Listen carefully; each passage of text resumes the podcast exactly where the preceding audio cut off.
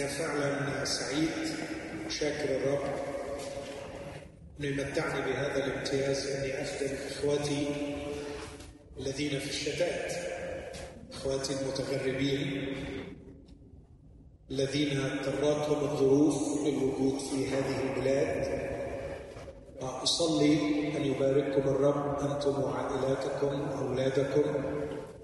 هذا الجيل والأجيال التالية لكيما تكونوا سبب بركة لهذه البلاد ولكيما يحول الرب اغترابكم إلى ارساليه فتكونوا هنا كمرسلين وليس مجرد عاملين من أجل لقمة العيش.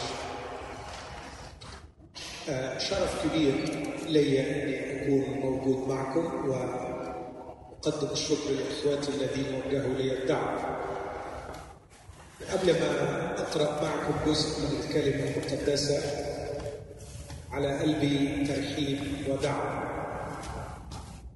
أما الترحيب فهو أكيد بكل شخص موجود لكن حابب أرحب بشكل خاص بكل صديق أتى مع صديقي وكل صديقة أتت مع صديقتها. كنت قبلت دعوة صديق وأتيت هذا المساء أنت مش متعود إنك تحضر هذا الاجتماع أو اجتماعات مشابهة وقبلت هذه الدعوة فاسمح لي أن أرحب بك بصفتي الشخصية وأقول لك من قلبي أهلا بيك وسط اخوتك وأصلي أن تكون هذه اللقاءات اليوم والأيام القادمة سبب بركة وتغيير في حياتك.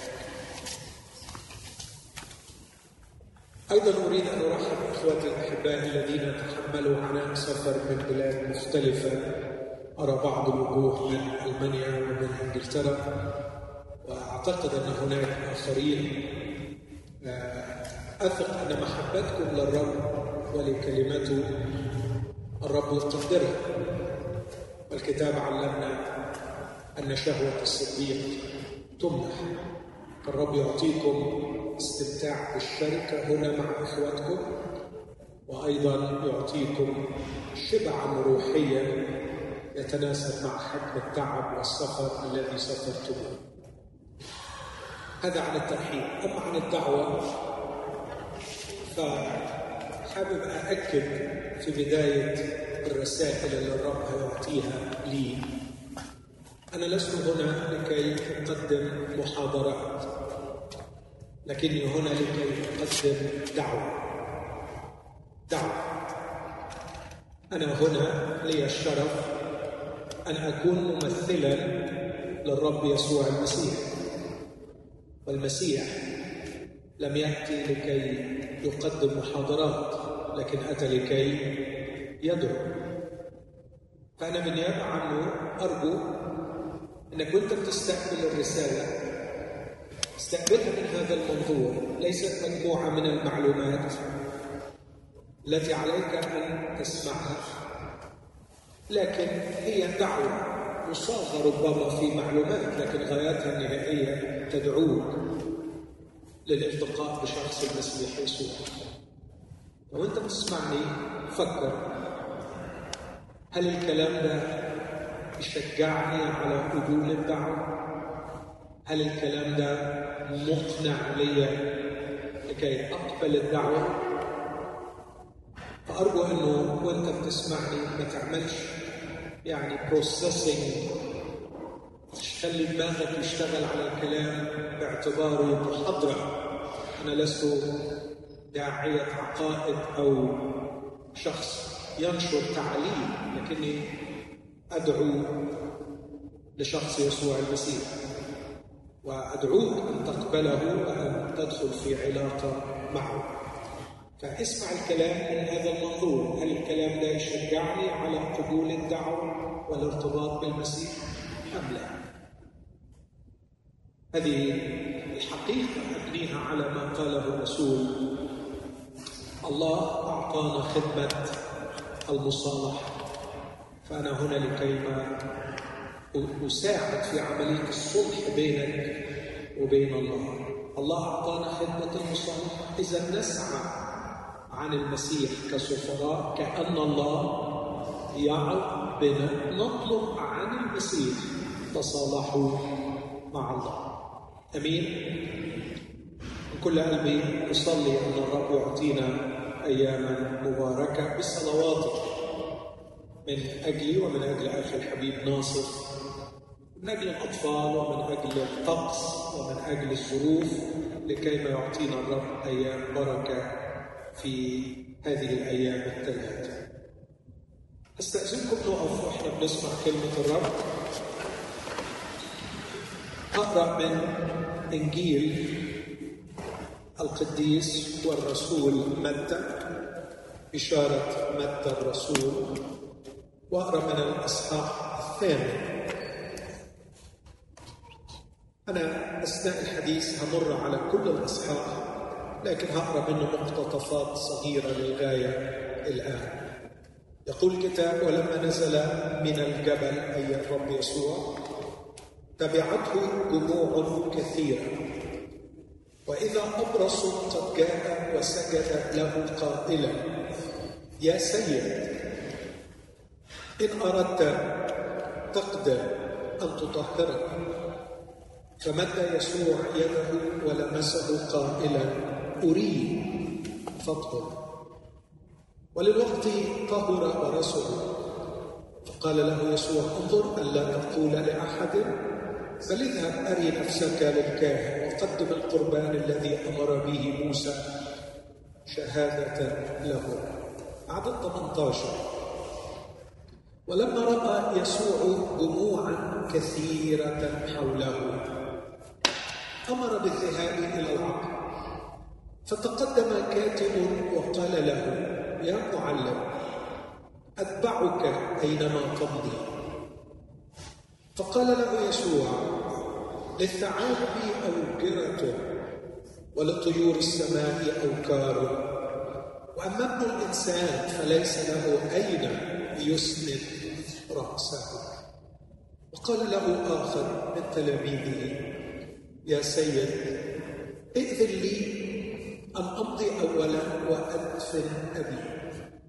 فقال له يسوع اتبعني.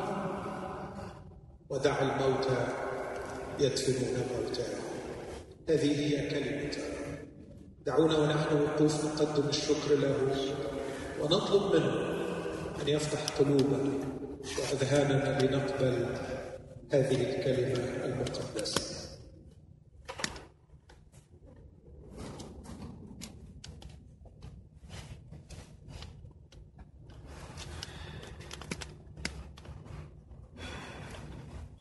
أبانا نحمدك. لأجل شخص حبيبنا ابنك مخلصنا وربنا يسوع المسيح. أشكرك يا أبانا لأنك تعرف عمق احتياجنا إليه. ونشكرك لأنك جمعتنا لكيما نتعلم عنه ونقبل دعوته لنا لأنك تعلم أننا في احتياج إليه ونشكرك يا روح الله القدوس لأنك قادر أن تقنع قلوبنا. استمجد المسيح أمام أعيننا. تستطيع أن تجعلنا فعلا نخضع ونقبل الدعوة. ربنا يسوع تضرع إليك. أن تدعم عبدك الضعيف بنعمة من عندك لكي ما يتكلم نيابة عنك. في اسم المسيح يا أبانا اسمع واستجب. آمين. تفضل.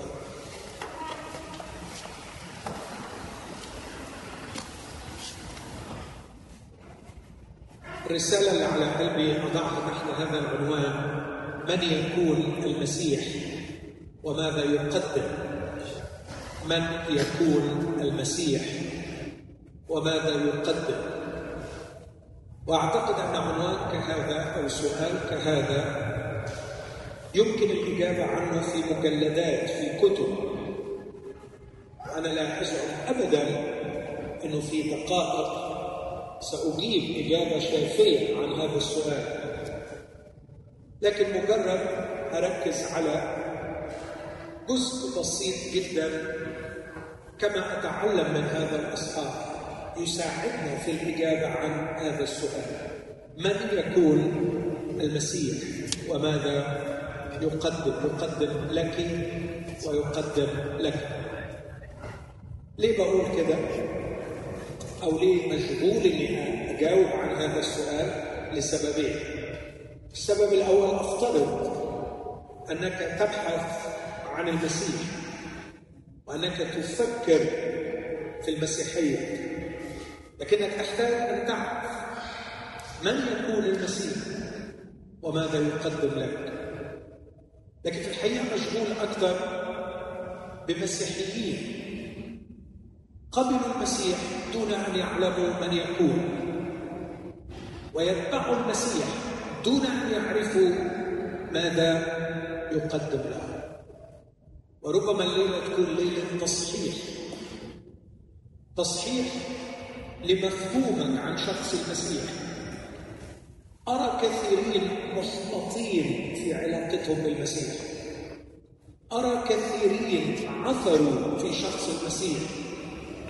وأعتقد أن إحباطهم وعثرتهم إنما نشات من فرضيات خاطئة افترضوها عندما ارتبطوا بشخص المسيح لقد بنوا تصورا عنه.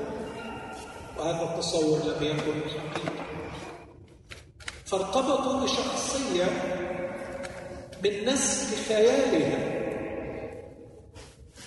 لا علاقة لها بالشخصية الحقيقية ليسوع المسيح. أو ربما بصورة أبسط لقد ارتبطوا بشخص يسوع المسيح لأن الوعاظ على المنابر سواء بقصد أو بدون قصد. وعدوا بأن يسوع سيقدم شيئا معينا فالناس قبلت الدعوة وارتبطت بيسوع في انتظار أن يقدم لهم ما وعدهم به الوعاظ. وفي النهاية اكتشفوا أن يسوع لم يقدم هذا. فأحبطوا وفشلوا وعثروا وربما رفضوا شخص المسيح. بسبب تثقلوا بأحباء الباحثين عن من يكون المسيح وماذا يقدم وبسبب تثقلي بإخواتي الذين عثروا وأحبطوا لأنهم بنوا علاقة مع المسيح على فهم خاطئ لمن يكون المسيح أو توقع خاطئ لما سيقدم المسيح. أسوق هذه الكلمات إلا أرجو أن الرب يستعملها كعلاج من يكون المسيح وماذا يقدم؟ بالطبع. مش ممكن ابدا أقدر أجاوب إجابة شاملة. لكن على الأقل أقول حاجتين. الحاجة الأولانية المسيح لم يأتي ليكون معلما. والأمر الثاني المسيح لم يأتي ليكون صانع معجزات. فكر معايا في الأمرين دول. مع تحفظ وانت بتفكر. خلي بالك من اللي بقوله من فضلك. لم يعلم شخص تعليم أسمى من التي علمها المسيح. تعاليمه سامية بشهادة الجميع. لا أريد أن أقتبس اقتباسات كثيرة من فلاسفة من ملحدين من أشخاص غير مسيحيين أسماء رنانه في تاريخ الجنس البشري شهدت جميعها عن سمو تعاليم المسيح. ومع هذا أقول لم ياتي المسيح ليكون معلما. لكن من الجانب الآخر على قدر قراءتي للتاريخ المقدس وللتاريخ البشري لم يظهر شخص في كل التاريخ البشري صنع عجائب ومعجزات وقوات خارقة كما صنع يسوع المسيح. وأعتقد أن بعض مؤرخي الرومان ومؤرخي اليهود كتبوا في كتبهم غير المسيحية. شهادات موثقة.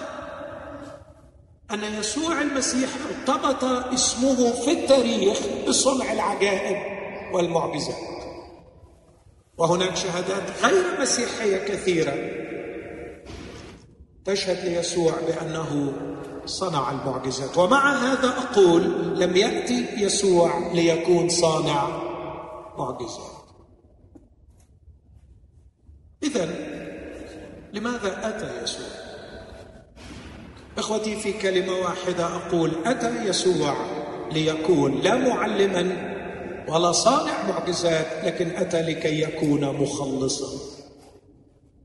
يسوع أتى لكي يكون مخلصا.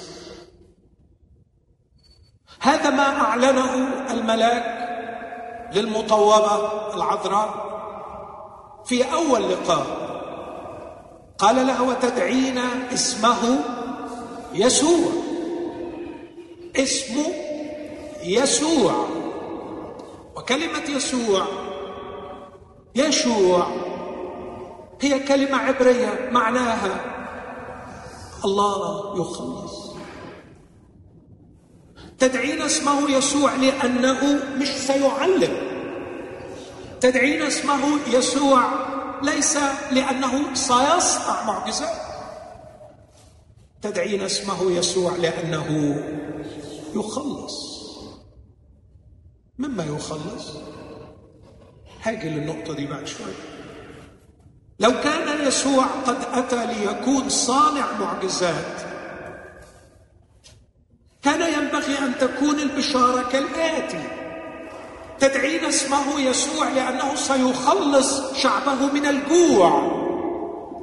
بأن يطعم الألاف. تدعين اسمه يسوع لأنه سيخلص شعبه من المرض. من خلال الشفاء. تدعين اسمه يسوع لأنه سيخلص شعبه من الكوارث الطبيعية. بسلطانه على الطبيعة عندما يهدئ البحار. تدعين اسمه يسوع لأنه سيخلص شعبه من الأرواح الشريرة عندما يخرج الشياطين بكلمة. لكن كل هذه الافتراضات خاطئة فالملاك لم يقل هكذا.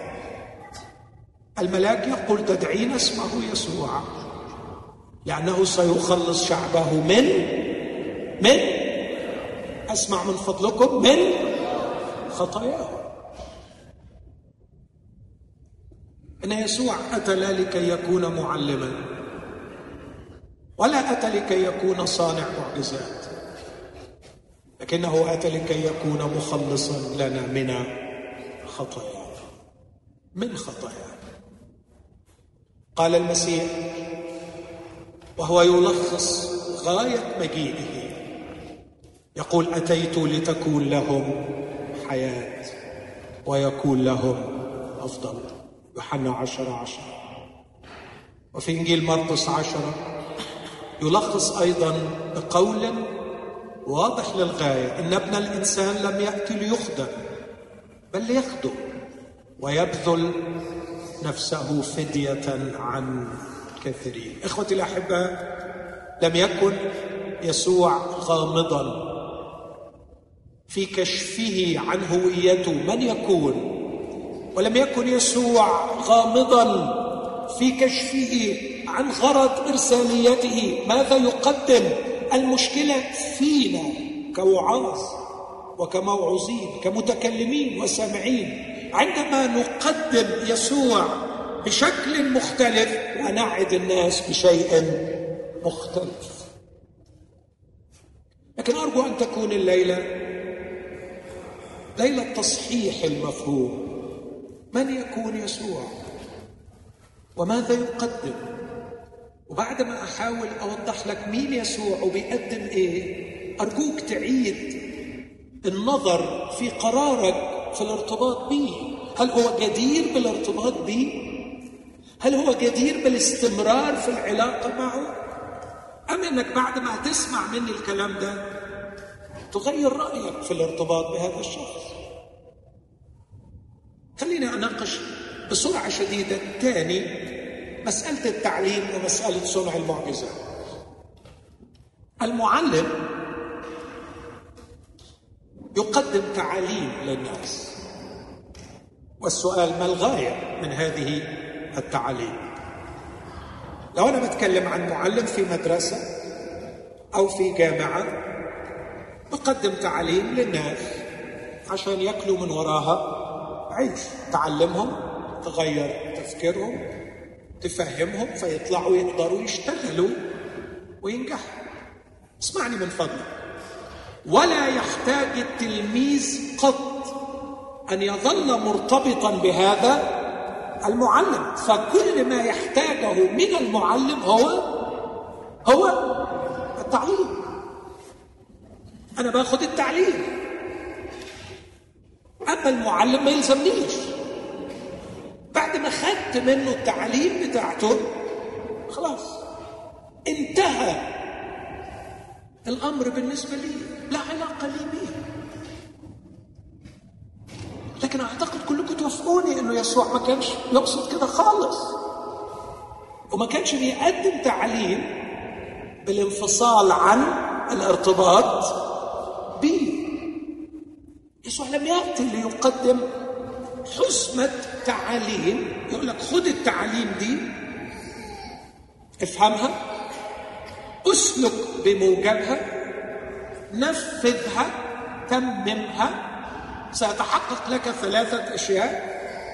ستتغير حياتك ستسعد في حياتك ستضمن الأبدية. لا يسوع ما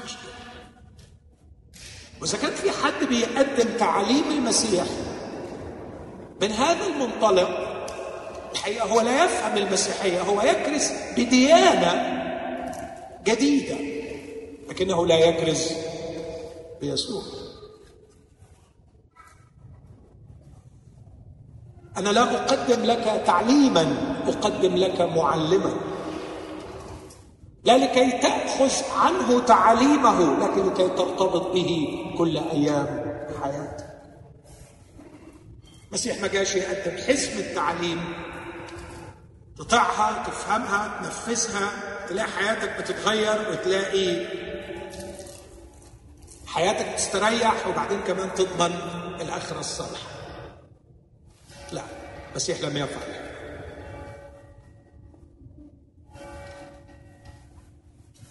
المسيح لم يكن يدعو لتعاليم لكن كان يدعو لشخصه. الجزء اللي قريناه راجل بيقول له أتبعك. لكن ائذن لي أن أذهب اولا وأدفن أبي. قال له يسوع اتبعني. ودع الموتى يدفنون موتاهم. ان يسوع ينادي بتبعيته وليست تبعيه تعاليمه يسوع ينادي بتبعيته كشخص الالتصاق به كشخص وليس تبني عقائد أو تعاليم نادى بها كثيرون مسيحيون أو عفوا يظنون أنهم مسيحيون لأنهم يؤمنون بتعاليم مسيحية. اسمح لي أقول لك هذه ليست المسيحية. ليست المسيحية أن تؤمن بعقائد مسيحية. المسيحية أن تتبع شخص يسوع المسيح. قال سبيرجن أمير وعاظ الإنجليز في القرن التاسع عشر. وهو يصف اختباره الشخصي وصفا بسيطا. كيف صرت مسيحيا؟ قال نظر إلي. نظرت إليه وصرنا واحد. المسيحية هي دعوة للاتحاد بالمسيح. المسيحية هي دعوة للاتحاد بالمسيح وليس دعوة لتبعية حقائق عن شخص المسيح. أختي العزيزة أخي العزيز أرجو أن يتسع قلبكم وتقبلوا مني هذه الحقيقة. قد تكون عقائدك المسيحية كلها صحيحة صحيحة. لكنك لست مسيحي الكتاب المقدس يقول عن المسيحيين الحقيقيين كلمة غريبة جدا. إنهم لحم من لحمه وعظم من عظامه. إنهم لحم وعظام. أي أنهم هم والمسيح. واحد مش هم. يتبنون تعاليم المسيح. واخد بالك المسيحية مختلفة مش كده؟ مختلفة. يعني المسيحية مش إنك تشهد مثلا أن الله واحد وثالوث في أقانيمه وأن المسيح ابن الله فتدخل الجنة. لا مش المسيحية مش كده خالص. مش أن تردد هذه الشهادة فتصير مسيحية أو أن تمارس ممارسات مسيحية فتصير مسيحية. أو أنك تدرس كورس رائع عن الحقائق المسيحية وتعتنقها وتنادي بها وتدافع عنها حتى الموت فتصير مسيحية إطلاقا. مسيحية شيء مختلف وأرجو أنك تحاول تفهمني وأنا بوضح هذا الأمر. المسيحية هي دعوة شخص المسيح الحي الذي قام من الأموات إليك الآن يدعوك الآن أن تلتحم به أن تتوحد به أن تصبح أنت وهو واحد. كيف يحدث هذا؟ لا أعرف لا أعرف لا أعرف إنها معجزة لكن المسيح يدعو إليه المسيح يدعو وهو قادر أن يصنع هذه المعجزة أن يدخلك في علاقة غريبة روحية معه بحيث تصير أنت وهو واحد. معجزة لكن المسيح لسه بيعملها. ومستعد الليلة أنه هو يعملها. وإذا قبلت هذه الدعوة إذا قبلت هذه الدعوة والتصقت بالمسيح وارتبطت بيسوع وبقيتوا أنتوا الاثنين واحد في حالة حب واندماج عميق ساعتها تبقى مسيح وبدون هذا تعمدت وتربيت في عيلة مسيحية ومارست الحقائق المسيحية والممارسات المسيحية وتنادي بالحق المسيحي. اسمح لي أقول لك من كل قلبي مع كل احترامي لهذه الأمور هذه الأمور لا تجعلك مسيحي ممكن تزعل مني أنا عارف. وأكيد يؤلمني إنك تزعل مني. لكن مرات كتير بيكون الأمانة أني أقول الصح اللي يزعل وما طبطبش بكلام ممكن يؤدي إلى الهلاك. أعتقد أن المحبة الحقيقية هي أني أخاف عليك. عندما أراك موهوما بأنك مسيحي وأنت لست بمسيحي أراك تمضي في طريق خاطئ لأنك تظن أنك مسيحي. هل صرت أنت والمسيح واحد؟ الأمر الثاني من جهة المعجزات. ركزوا معي في النقطة دي من فضلكم أحاول أوضحها. إحنا لما بنقرأ الاناجيل بنشوف الرب يسوع بيتجول في شوارع الجليل وفي أورشليم يصنع المعجزات. والحقيقة ما اغرب وما أجمل وما أروع وما أكثر حجم ونوعية المعجزات التي صنعها يسوع. على كل الألوان والأشكال ومع كل الناس. تنوع غريب وقدرات رائعة. البعض بيظن إن يسوع كان بيعمل المعجزات علشان يسوق لنفسه يعمل ماركتينج لنفسه بانه يا جماعة شوفوا أنا بعمل إيه فلو قبلتوني هعمل لكم من الحاجات الحلوة دي. البعض فاهم كده فاهم إن يسوع كان بيعمل المعجزات علشان يعني يسوق نفسه. هو عايز الناس تتبعه. هو بينشر دين جديد. ففي خلال دعوته ونشره لهذه الديانة كان يصنع المعجزات وكأنه بيقول للناس شايفين الحاجات الحلوة دي؟ شايفين الروائع دي؟ لو قبلتوني وبقيتوا مسيحيين وبقيتوا اتباعي أنا خدوا من ده على طول. هو ده بقى. إيه رأيكم في الفكرة دي؟ حد حاسس إن أنا بقول كلام غريب ولا؟ مفهوم اللي بقوله؟ عارفين لما راجل يكون بيعمل دعاية لحاجة فيوزع عليك عينة عشان تدوق ولما تدوق تعمل إيه؟ تشتري. البعض متصور إن يسوع كان يصنع المعجزات من هذا القبيل. أنا بشبع الجياع أنا بفتح عيون العمي. أنا بقوم الست اللي عندها حمى أنا بشفي المصروع أنا بفتح أذني الأصم.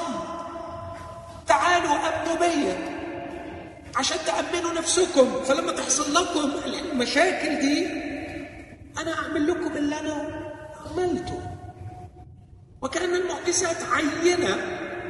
يصوت بها نفسه لكي يقبل واعدا من يقبله أن حياتهم ستكون سلسلة معجزات من هذا النوع. هذا مفهوم خاطئ تماما عن المسيح. وإذا كان يسوع الذي بشر به لك هو يسوع صانع المعجزات الذي سيصنع في حياتك المعجزات فهو يسوع آخر غير يسوع الحقيقي الذي بشر به الملاك أنه سيخلص شعبه مش من العمى والجوع والضيق لكن يخلص شعبه من خطاياه. إخوتي الأحباء أرجو أن نستفيق لهذه الحقيقة. اسمع كده في كورنثوس الأولى 15 والعدد الأول والثاني والثالث. رسول بولس بيقول للمؤمنين في كورنثوس هذا هو الإنجيل. إني تسلمت ما سلمتكم إياه. هذا هو الإنجيل هذا هو قانون الإيمان الأول في تاريخ الكنيسة. تقريبا اتكتب بعد أربع سنين من قيامة المسيح. أول قانون إيمان سنته الكنيسة. وكان يسلم للرسل وللكارثين. تعرف قانون الإيمان بيقول إيه؟ الأول. هذا هو الإنجيل. أن المسيح مات من أجل خطايانا حسب الكتب وأنه دفن وأنه قام في اليوم الثالث حسب الكتب وأنه ظهر. الإنجيل المسيح. الإنجيل يعني خبر مفرح. الخبر المفرح ليس أن يسوع يصنع المعجزات ليس هذا هو الإنجيل. الإنجيل أن المسيح مات من أجل خطايانا حسب الكتب. وأنه دفن برهان الموت. وأنه قام في اليوم الثالث حسب الكتب. وأنه ظهر برهان القيامة. يسوع مات. ويسوع قام أسمع هللويا. يسوع مات. ويسوع قام. مش عشان يعمل معجزات. على فكرة كان يقدر يعمل المعجزات من غير ما يموت ويقوم. بس كنا رحنا في داهية. لأنه ما كانش يبقى فيه خلاص من الخطية كان يقدر يسوع يفضل يصنع معجزات من غير ما يموت ويقوم. لكن خلاصنا لا يؤسس إلا على موت وقيامة المسيح. خلاصنا لا يؤسس على معجزات صنعها يسوع لكن خلاصنا يؤسس على موت وقيامة يسوع. لذلك الإنجيل الذي نكرس به ليس أن يسوع صنع المعجزات لكن يسوع مات وقام.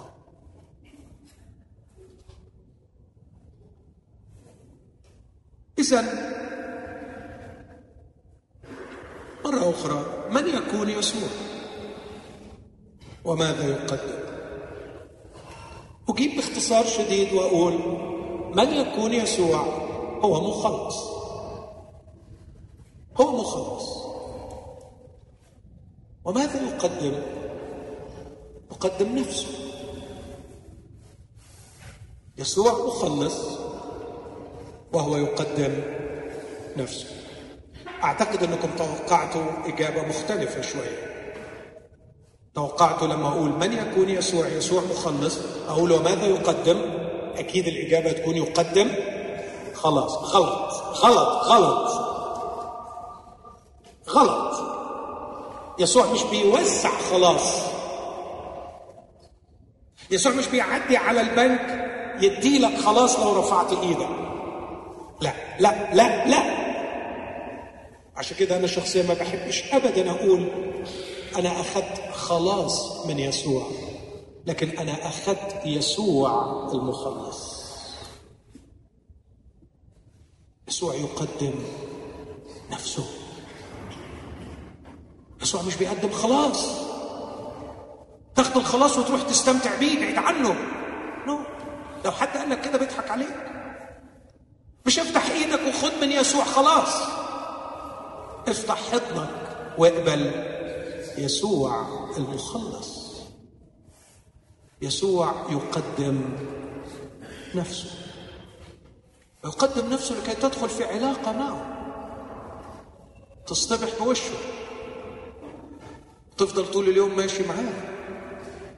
وتنام بالليل في حضنه. وطول الوقت تحكي معاه. وتفرح معاه. وتبكي معاه. وتستمتع معاه. ولما تزعل تزعل معاه. تزعل وانت معاه. وتبكي وانت معاه. ويبقى معاك. في السيارة وانت قاعد قدام ال TV. وفي ال office. وفي ال living room. اسمح لي اقوله في أوضة النوم. يبقى موجود. ويبقى معاك على التليفون. ويبقى معاك وانت على الإنترنت. ويبقى معاك وانت سرحان. ويبقى معاك وانت مع الناس. ويبقى معاك وانت بعيد عن عينين الناس. عرض غريب شوية. ده لزقه بقى. ده واحد بيقدم نفسه علشان يبقى لزق. لا أنا أحب برضه حريتي يعني يسوع على العين والرأس أحبه. نتقابل أنا وهو في الكنيسة. ألبس كويس وأروح أتقابل معاه. نخلص قعدتنا وكل واحد يروح لحاله هو يروح يشوف شغله. وأنا برضه أشوف مصلحتي. أنا عايز أستمتع شوية بعيد عنه. يعني مش معقول كده يبقى كابس على نفسي طول الوقت؟ افرض يعني عيني زايغة وعايز أبص على حاجة غلط يعني يقعد واقفني كده؟ لا لا لا لا لا. العلاقة دي غريبة شوية. افرض يا أخي نفسي أعمل حاجة غلط. هيقعد واقفني كده؟ افرض إن أنا عندي رأي غير رأيه. يقعد كده كل شوية يقول لي لأ. وأنا الكبير وأنت الصغير ولازم تسمع كلامي. أنا ما بحبش السلطة دي وما بحبش أنا عايز عايز أعيش حر. على فكرة صدقني عندك ألف حق. ما أقدرش ابدا أجبرك. بس هي دي المسيحية. وهو ده يسوع. ولو مش عاجبك من حقك تقول له لأ. بس مش من حقك. تخلق يسوع على مزاجك وارتباط على مزاجك وتقول في الآخر إن أنت مسيحي مخلص. ما ينفعش. عيب ما تلخبطش الأمور. قول أنا مش عايز يسوع. يسوع هيتعبني. يسوع هيلزق لي. يسوع هيمنعني من المتعة. يسوع مش هيخليني أعيش في العلاقة الغلط. قول. قول أنا مش عايزه. وهو على فكرة مش هيلوي دراعك. ممكن يبكي عليك. وقال كده لأورشليم وهو يبكي عليها. كم مرة أردت وأنتم لم تريد خلاص أنتوا أحرار بس ما تخترعش يسوع على مزاجك وعلاقة على مزاجك وارتباط على مزاجك وتقول أنا مسيحي.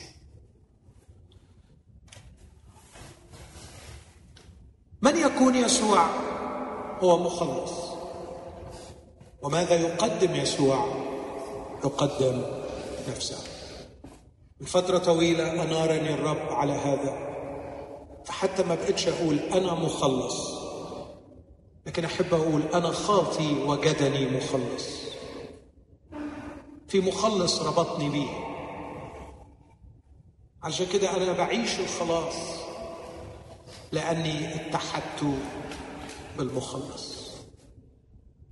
إنه حبيبي إنه ربي إنه رأسي إنه قائدي إنه معلمي إنه سيدي إنه كل شيء لي.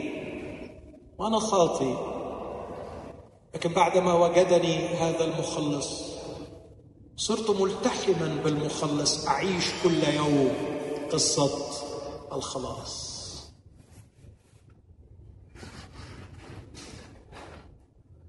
إذا لماذا علم يسوع؟ ولماذا صنع يسوع المعجزات؟ في إجابتي على السؤالين دول باختصار أعتقد أني هوضح أكثر من يكون يسوع. التعليم تكشف مبادئ ومناهج المعلم. صح؟ المعلم خصوصا لما يكون معلم أخلاقي مش معلم فيزياء أو كيمياء معلم أخلاقي فتعاليمه تكشف عن مبادئه عن مناهجه.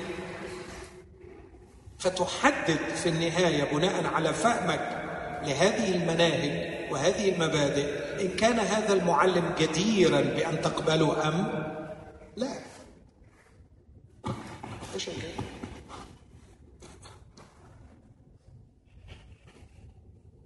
المسيح علم لكي يكشف ما هي مبادئه. يعني مثلا لما تسمعوا بيعلم وبيقول سمعتم أنه قيل لا تزني. أما أنا فأقول لكم إن من ينظر إلى امرأة ليشتهيها فقد زنى بها في قلبه. عندما اسمعه يقول من يغضب على أخيه باطلا. يكون مستوجب الحكم. عندما أسمعه يقول احبوا أعداءكم باركوا لاعنيكم أحسنوا إلى مبغضيكم وصلوا من أجل الذين يسيئون إليكم. عندما أسمعه يقول طوبى طوبى للمطرودين من أجل البر. عندما اسمعه يقول طوبى للجياع والعطاش إلى البر لأنهم يشبعون. أقول هذا المعلم راقي نقي سامي إنساني مختلف.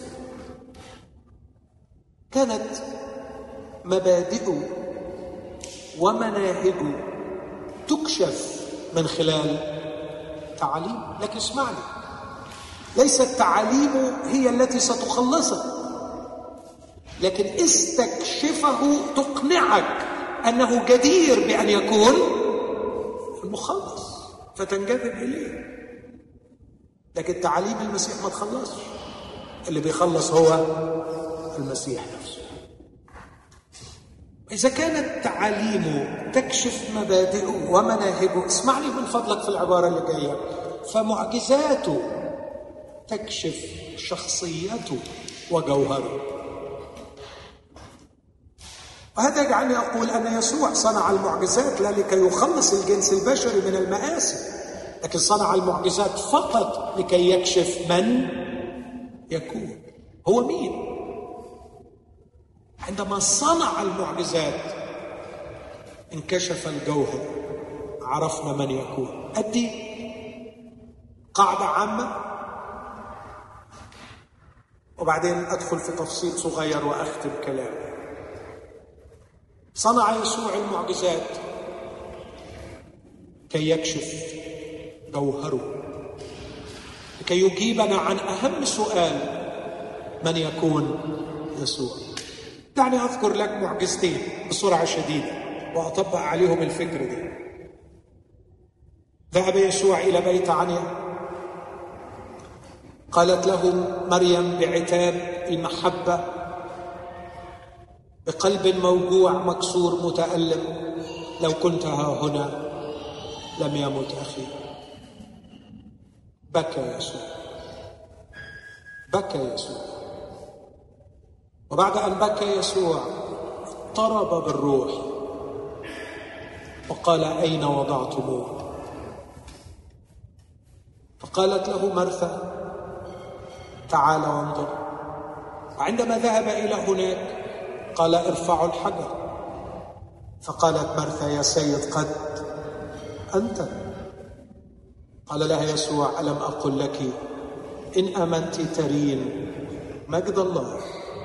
عندما رفعوا الحجر وخرجت العفونه وتأكد الجميع أن لعازر قد أنتن. نادى يسوع بصوت عظيم لعازر هلم خارجا فخرج البيت. تجمعت كل ذرات الجسد التي تحللت وتعفنت عادت الكلية من جديد وعاد الكبد من جديد وعادت شبكية العين من جديد وعادت مئات ملايين النيرونز في المخ من جديد. عاد كل شيء. عاد الدم إلى جريانه بعد أن كان قد تجلط ووقف في كل الشرايين. عاد القلب ينبض بعد أن صمت أربعة أيام. عاد النفس والرئتين يعملان بكفاءة تامة. عادت الحياة من هناك من العالم الآخر إلى هذا الجسد. عادت النفس. هذا الذي بكى هو إنسان. وهذا الذي أحيا الموتى هو الله. من يكون يسوع؟ هو الله. وهو أيضا إنسان. الكلمة صار جسدا وحل بيننا. وبالإجماع عظيم هو سر التقوى. الله الله ظهر في الجسد. معجزة أخرى. كان يسوع في مؤخر السفينة على وسادة نائما. هاج البحر كادت السفينة تغرق لكن يسوع نائم نائم. عندئذ أيقظه التلاميذ بارتباك واضطراب قائلين يا معلم أما يهمك أننا نهلك؟ فقام يسوع. قام يسوع. وانتهر البحر والريح. وقال للبحر وللريح اسكت أبكم. فصار هدوء. عظيم. فسجدوا له. وقالوا من هو هذا؟ حتى إن البحر والريح أيضا يطيعانه الذي كان نائما هو الإنسان يسوع المسيح. والذي أطاعته وخضعت له الطبيعة لا يمكن أن يكون مجرد إنسان. إنه الله الظاهر في الجسد. دي قاعدة عامة في كل معجزات يسوع. كان يبين من يكون وكأنه في النهاية يقول لك تحب ترتبط بيا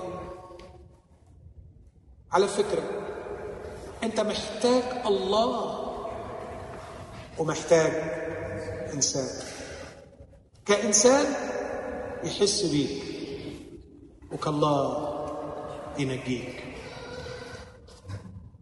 كإنسان يقدر يحس بيك وكالله يقدر ينجيك لو الله بس مش عرفه في الألم والوجع. ولو إنسان بس يجيب منين قدرة على الألم والوجع. لكن أختم بتفصيل أكثر بعض الشيء. أصحاح اللي قريت منه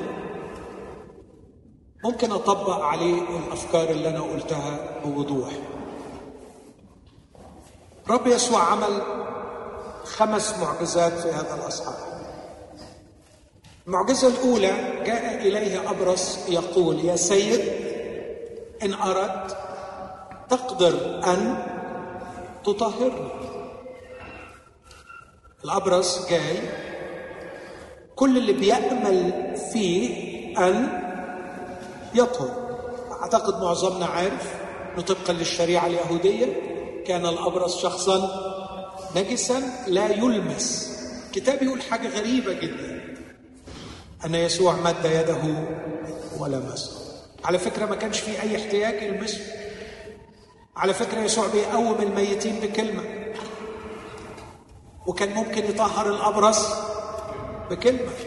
لكن يسوع مد يده ولمسه لكي يقول له إني أشعر باحتياجك الداخلي. أنت تحتاج إلى شخص يلمسك. كطبيب نفسي كتير ألاقي نساء ورجال وبالأكثر أطفال يعانون معاناة لا يعلم عنها أي شخص أي شيء. لحرمانهم من شخص يحتضنهم يلمسهم يضمهم. الجوع للمسة. الجوع لمن يشعر باحتياجي دون أن أنطق به. أقول تاني الاحتياج العميق لشخص يفهم احتياجي دون أن أنطق به. القصة الثانية قائد مئة أممي. عنده عبد مريض. لاحظ هو أممي ولا مريض عنده؟ عبد.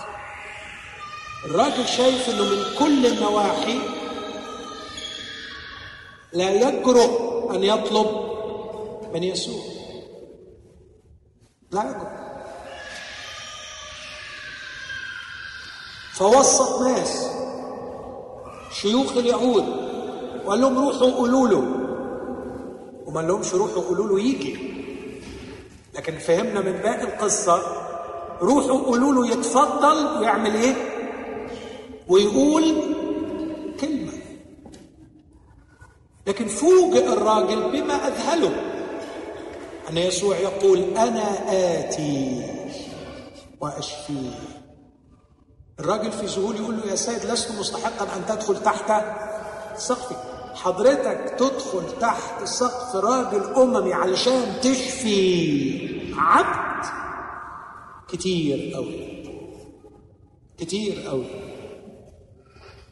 يسوع مملوء نعمة.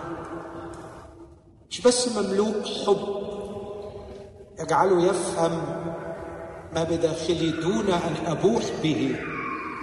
ده الحبيب اللي بحق يفهم احتياجك من غير ما تقوله. لكن يسوع مملوء نعمة يدخل حياتي وبيتي وأنا لا أستحق. وأنا لا أستحق. والحقيقة أنا شخصيا كنت محتاج قوي حد يقبل يتعامل معايا وأنا لا أستحق لأني كنت مدرك جيدا إنه لو طلب مني أن أبني استحقاقي بنفسي فالعمر كله لن يكفيني. إمتى أقدر أوصل أقول دلوقتي أنا مستحق؟ يعني ممكن أقول طول عمري اجعلني مستحق اجعلني مستحق طب إمتى تبقى مستحق؟ هتعمل إيه علشان تبقى مستحق؟ لا. الحقيقة ولا ولا 100 عمر على عمري. هيكفيني علشان أكون مستحق أن يسوع القدوس يدخل تحت سقفي. لكن يسوع مملوء نعمة. مستعد يدخل وأنت غير مستحب القصة الثالثة. حماد بطرس أخذتها الحمى. دخل يسوع مسك إيدها لمسها. شاف السخونية بتاعتها وشفاها. قامت وصارت تخدمهم بس ما تعلق تعليق غاية في العبقرية. قال علشان يتم كلام الكتاب هو أخذ هو أخذ أسقامنا وحمل أمراضنا واضح إن متى طبق الكلمة دي عليها في الوقت ده إن يسوع لما كان بيلمس المريض كان بياخد الوجع بتاعه. في نفسه. غالبا كان بيبان على وش يسوع إنه لما بيشوف المرض بيعمل إيه؟ بيتوجع. بيتوجع بنفس وجع المريض. متى شاف يسوع بيلمس الست وبعدين يقول علشان يتم المكتوب أخذ أسقامنا وحمل أمراضنا أنا شفت يسوع موجوع. موجوع. على فكرة عايز أقول لكم على خبر مش حلو. إحنا بالطبيعة بنهرب من الموجوع. إحنا بنهرب من الموجوع. إحنا بنجاهد علشان نبقى قريبين من الموجوع. لكن بنصدق ما نلاقي حاجة تاخدنا بعيد عن الم... إحنا نحب نبقى مع المبسوط يسوع كانت متعته إنه يكون مع الموجوع. المعجزة الرابعة يسوع في السفينة. البحر هايب العاصفة في الخارج تدوي. صوتها مرعب ومنظر البحر الهائج مرعب. ويسوع نايم. بصراحة أنا محتاج قوي قوي صديق يبقى هادي في وسط العاصفة. أحلى حد تصاحبه اسمع مني النصيحة دي. أحلى حد تصاحبه. الشخص اللي يحتفظ بهدوءه في وسط العاصفة. حبيبي يسوع وصاحبي. طبعا حد هيتعصر دلوقتي. تقول عليه صاحبك؟ الحقيقة مش أنا اللي قلت هو اللي قال قال لا أسميكم عبيد بل أحباء يعني أصحاب. أحبك يا حبيبي لأنك تصحبني بهدوء. بينما العاصفة تضرب في قارب الصغير. وأنا أبحر في هذه الحياة لا أأمن غدرها ومفاجآتها. وأعرف أن عواصفها قد تهيج في أي لحظة بدون سابق إنذار. كم يكون رائعا أن أحتفظ في قارب الصغير بشخص صديق يحتفظ بهدوئه في وسط العاصفه وعندما ايقظوه أما يهمك أننا نهلك تعرف وبخه قال ما بالكم خائفين؟ أنا معاكم. أنا معاكم. خادم جميل زمان. قال طب كانوا يعملوا إيه يعني؟ قالوا هو كان جايب مخدة ونايم. كانوا يسحبوا 12 مخدة ويناموا معاه. ببساطة شديدة ينام على يقين أن البحر ليس أقوى من حبيبه والعاصفة ليست أقوى من يسوع. طالما أن يسوع في القارب كل شيء تحت التحكم. كل شيء تحت التحكم تحت السيطرة. ما تقلقش. السؤال مش العاصفة شديدة ولا مش شديدة. السؤال يسوع في القارب ولا لا؟ بس. بس. على فكرة فحصك للعاصفة ومدى قوتها لن يغير في الأمر شيء. يزيد انزعاجك. السؤال هل يسوع في القارب أم لا؟ وآخر معجزة مرعبة الحقيقة شخص تسكنه آلاف الشياطين. الأرواح الشريرة حقيقة. الأرواح الشريرة حقيقة. وهي تعذب الناس. وهي تجرح الناس. وهي تدمر العائلات. الأرواح الشريرة حقيقة تهاجم النفوس والأجساد. وإذا ما كنتش فاهم كده اسمح لي أأكد لك هذه الحقيقة. الارواح الشريره حقيقة. لكن عندما يكون يسوع في حياتي رأته الأرواح الشريرة فصرخت. ما لنا ولك يا يسوع يا ابن الله هل أتيت قبل الوقت لكي؟ لاحظ من يعذبون الرجل يخافون من عذاب يسوع. هللويا. عندما يدخل حياتي من له السلطان أن يعذب الأرواح الشريرة لن أعود أخاف من أي روح شرير لأن يسوع صاحب السلطان في حياتي فكر في الخمس أشياء دول. من يكون يسوع؟ هو الذي من فرط حبه يعرف احتياجي دون أن أبوح به. هو الذي من فرط نعمته يدخل بيتي وأنا غير مستحق.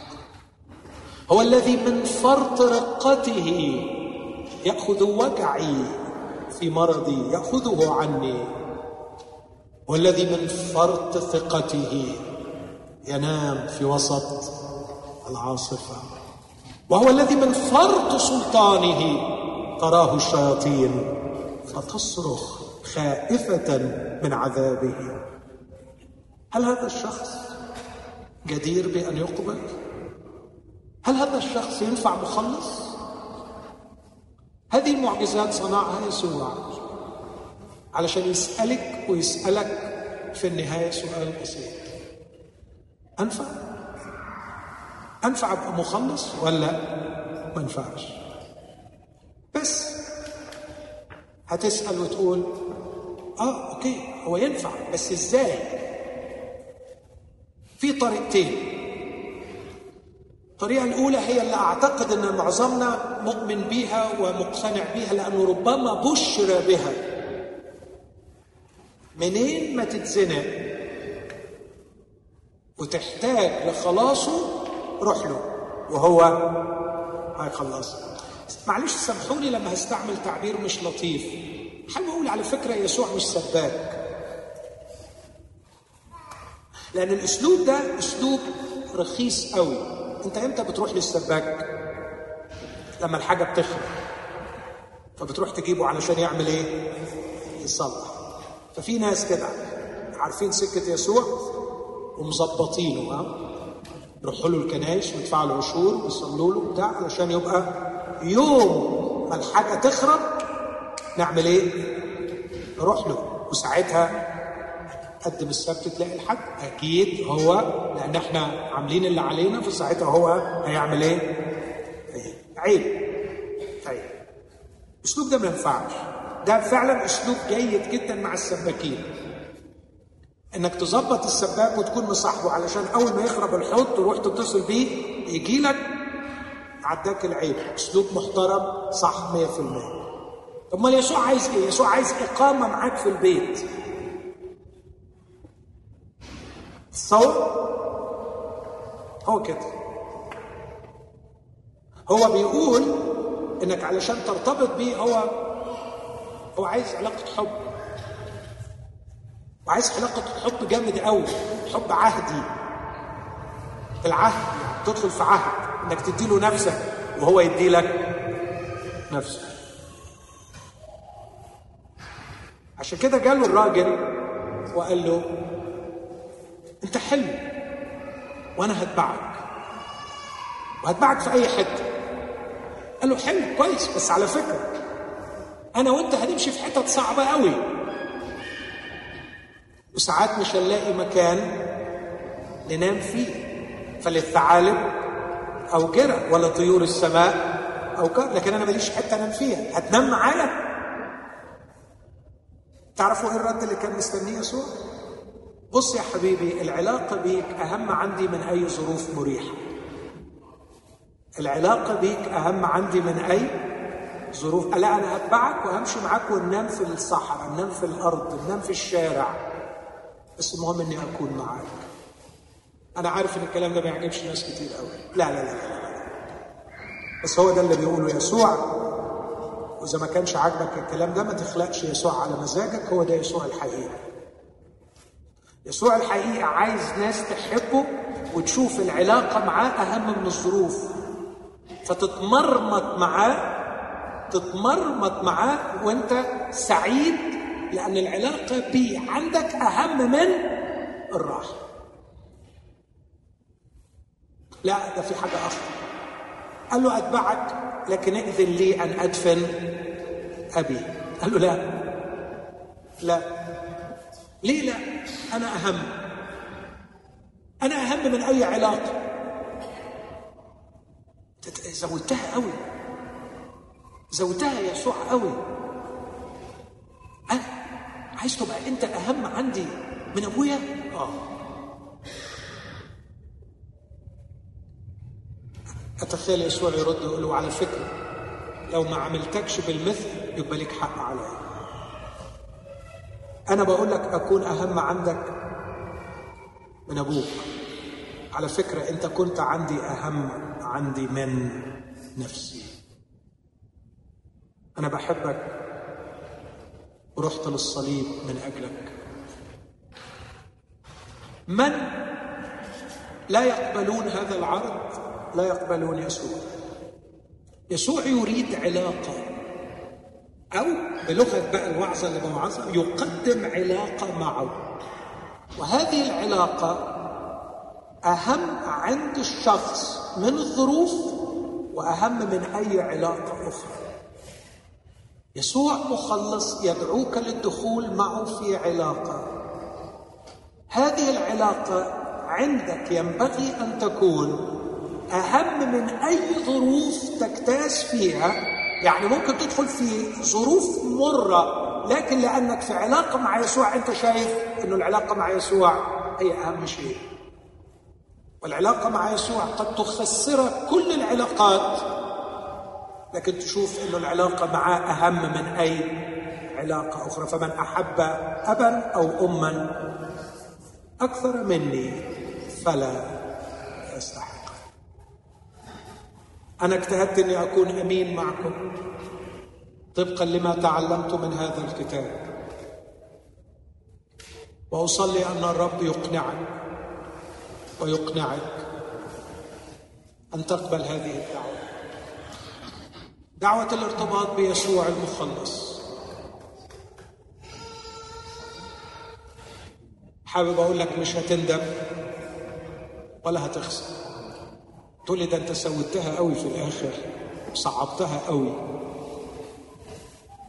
خليني أقول لك من كل قلبي كم الأفراح كم العز كم الحرية كم الشفاء كم القيمة والكرامة اللي هتاخدها في العلاقة دي مع يسوع لا يعوضها أي شيء آخر في الحياة. لا ظروف مرتاحة ولا صحة ولا عيلة ولا ناس ولا ممتلكات. أنا عشت وشفت وعالجت ناس بالآلاف من اللي عندهم كل الحاجات دي وعايشين تعساء وفي كل مرة كنت بشوف إن الناس دي مش محتاجة لمزيد من المال ولا مزيد من الصحة ولا مزيد من العلاقات. الناس دي محتاجة إلى يسوع. محتاجين إلى علاقة واحدة مشبعة مع مخلص. هو الله وهو إنسان. إنسان ليس كمثله إنسان والله بكل ما هو الله. هل تقبل الدعوة دي؟ خلونا نقف مع بعض وإحنا مع ناصر. نقف مع بعض وإحنا بنقرر إذا كنا ندخل في العلاقة دي. الرب يسوع بيننا الآن وهو يتمشى بين صفوفنا. وهو يقدم هذه الدعوة.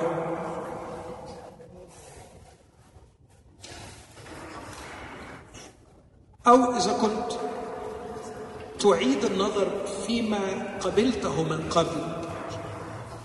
حتى لو كنت قبلت يسوع زمان بس كنت قبله غلط الليلة تقبله صح.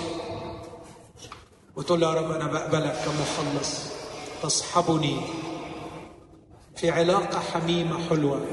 نمشي معا ونحكي معا. وأصبح وأنا هذا الخاطئ الذي وجده مخلص يصحبه في رحلة خلاص عظيمة. يا مخلص رنم له وقول له يا مخلصك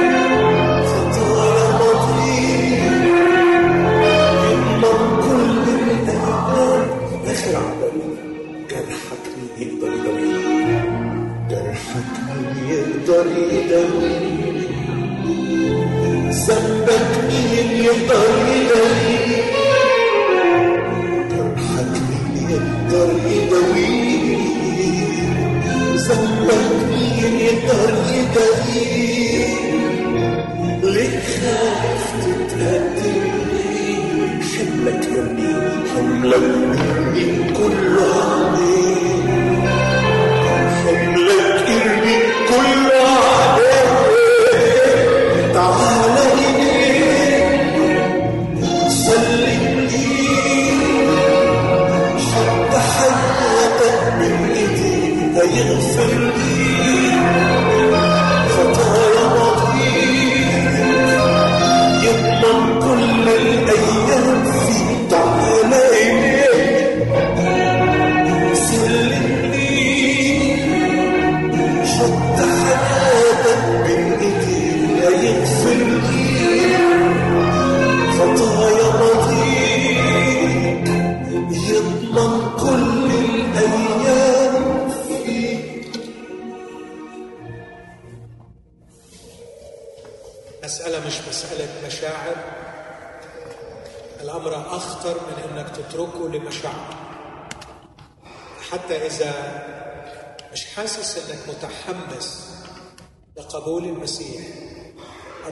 تسيبش الأمر لحماسك. الأمر خطير. ده حياتك الحاضرة والأبدية. مش كده صلي من قلبك وقول يا رب أنا مش قادر أحس باحتياجي ليك. لكن أرجوك احييني. أنا ميت. افتح عيني فأرى حقيقة نفسي. وأرى حقيقة احتياجي إليك. أيها المخلص. صلي معايا الصلاة دي من فضلك. صلي من فضلك. يا رب مشاعري تبلدت وكثرة الخطايا جعلتني تحجرت وتقسيت لكني أصرخ إليك يا واهب الحياة. احييني. افتح عيني أنا أعمى. رجع لي الإحساس. خليني أحس إني محتاج لك يا يسوع. اشفيني. اشفيني لأني محتاج لك. اشفيني من مرض عدم الشعور بالاحتياج إليك. ده أقصى مرض يا رب. فوقني. انقذني من هذا الجنون. أن أظل في حياتي بدونك وأمضي إلى الهلاك الأبدي. المخلص موجود المخلص متاح الآن. يسوع مش فكرة يسوع شخص. وقد قام من الأموات وهو بيننا الآن. وهو الذي يدعوك من خلالي ومن خلال ناصر وهو الذي يدعوك بالروح القدس. الآن قل له احييني اشفيني ارجعني خلصني أنا محتاجك أتحد بيك أقبلك حبيب. واذا قلت لي عايز مني إيه؟ هقول لك أنا عايزك أنت. أنا عايزك أنت. مش عايز حاجة منك عايزك أنت. اشفيني من كل ضعف فيا اشفيني من الشهوة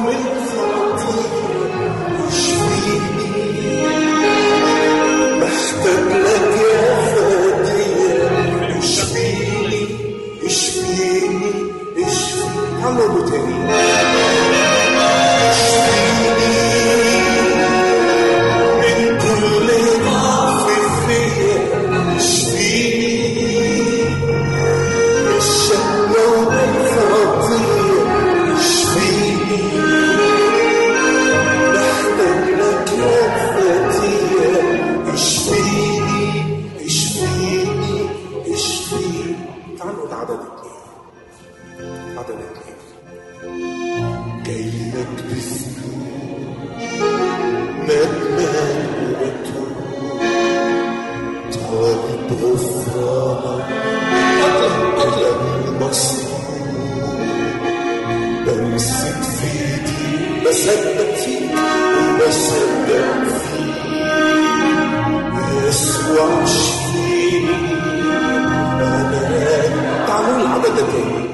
جاي